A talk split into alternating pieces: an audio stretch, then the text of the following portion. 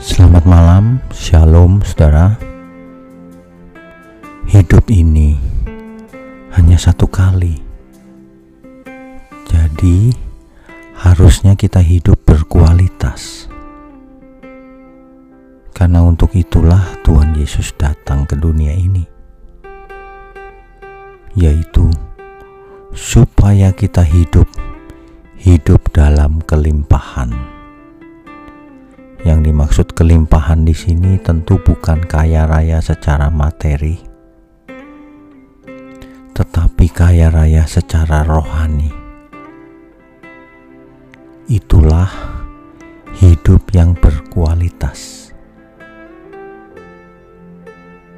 Hal ini tentu berbeda dengan definisi hidup berkualitas menurut dunia.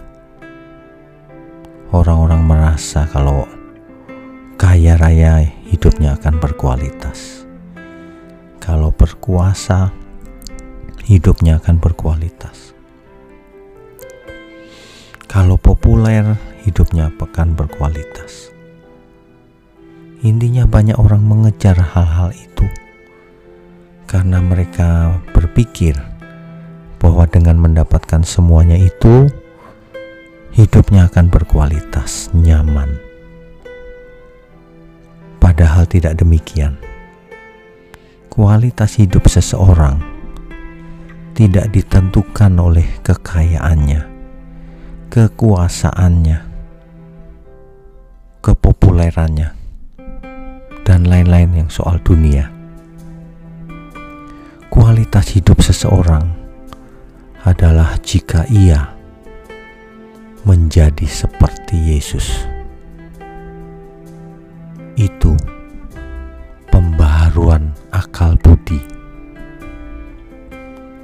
Seseorang hidupnya berkualitas jika ia mengerti kehendak Allah. Manakah yang baik? Manakah yang berkenan? Manakah yang menyenangkan Tuhan? Dan bagaimanakah yang sempurna? manusia yang hidupnya berkualitas akan bisa dirasakan oleh sekelilingnya. Ia akan menjadi berkat di mana pun ia berada.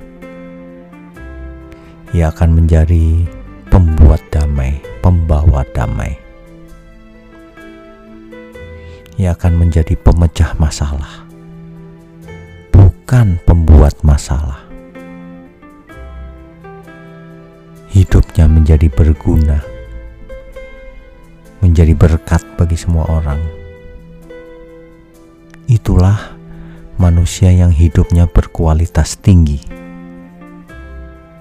Ia bertanggung jawab, bekerja keras, belajar keras, berusaha untuk tidak pernah buat salah, belajar kebenaran terutama. Mengapa? karena ia mengasihi Tuhan.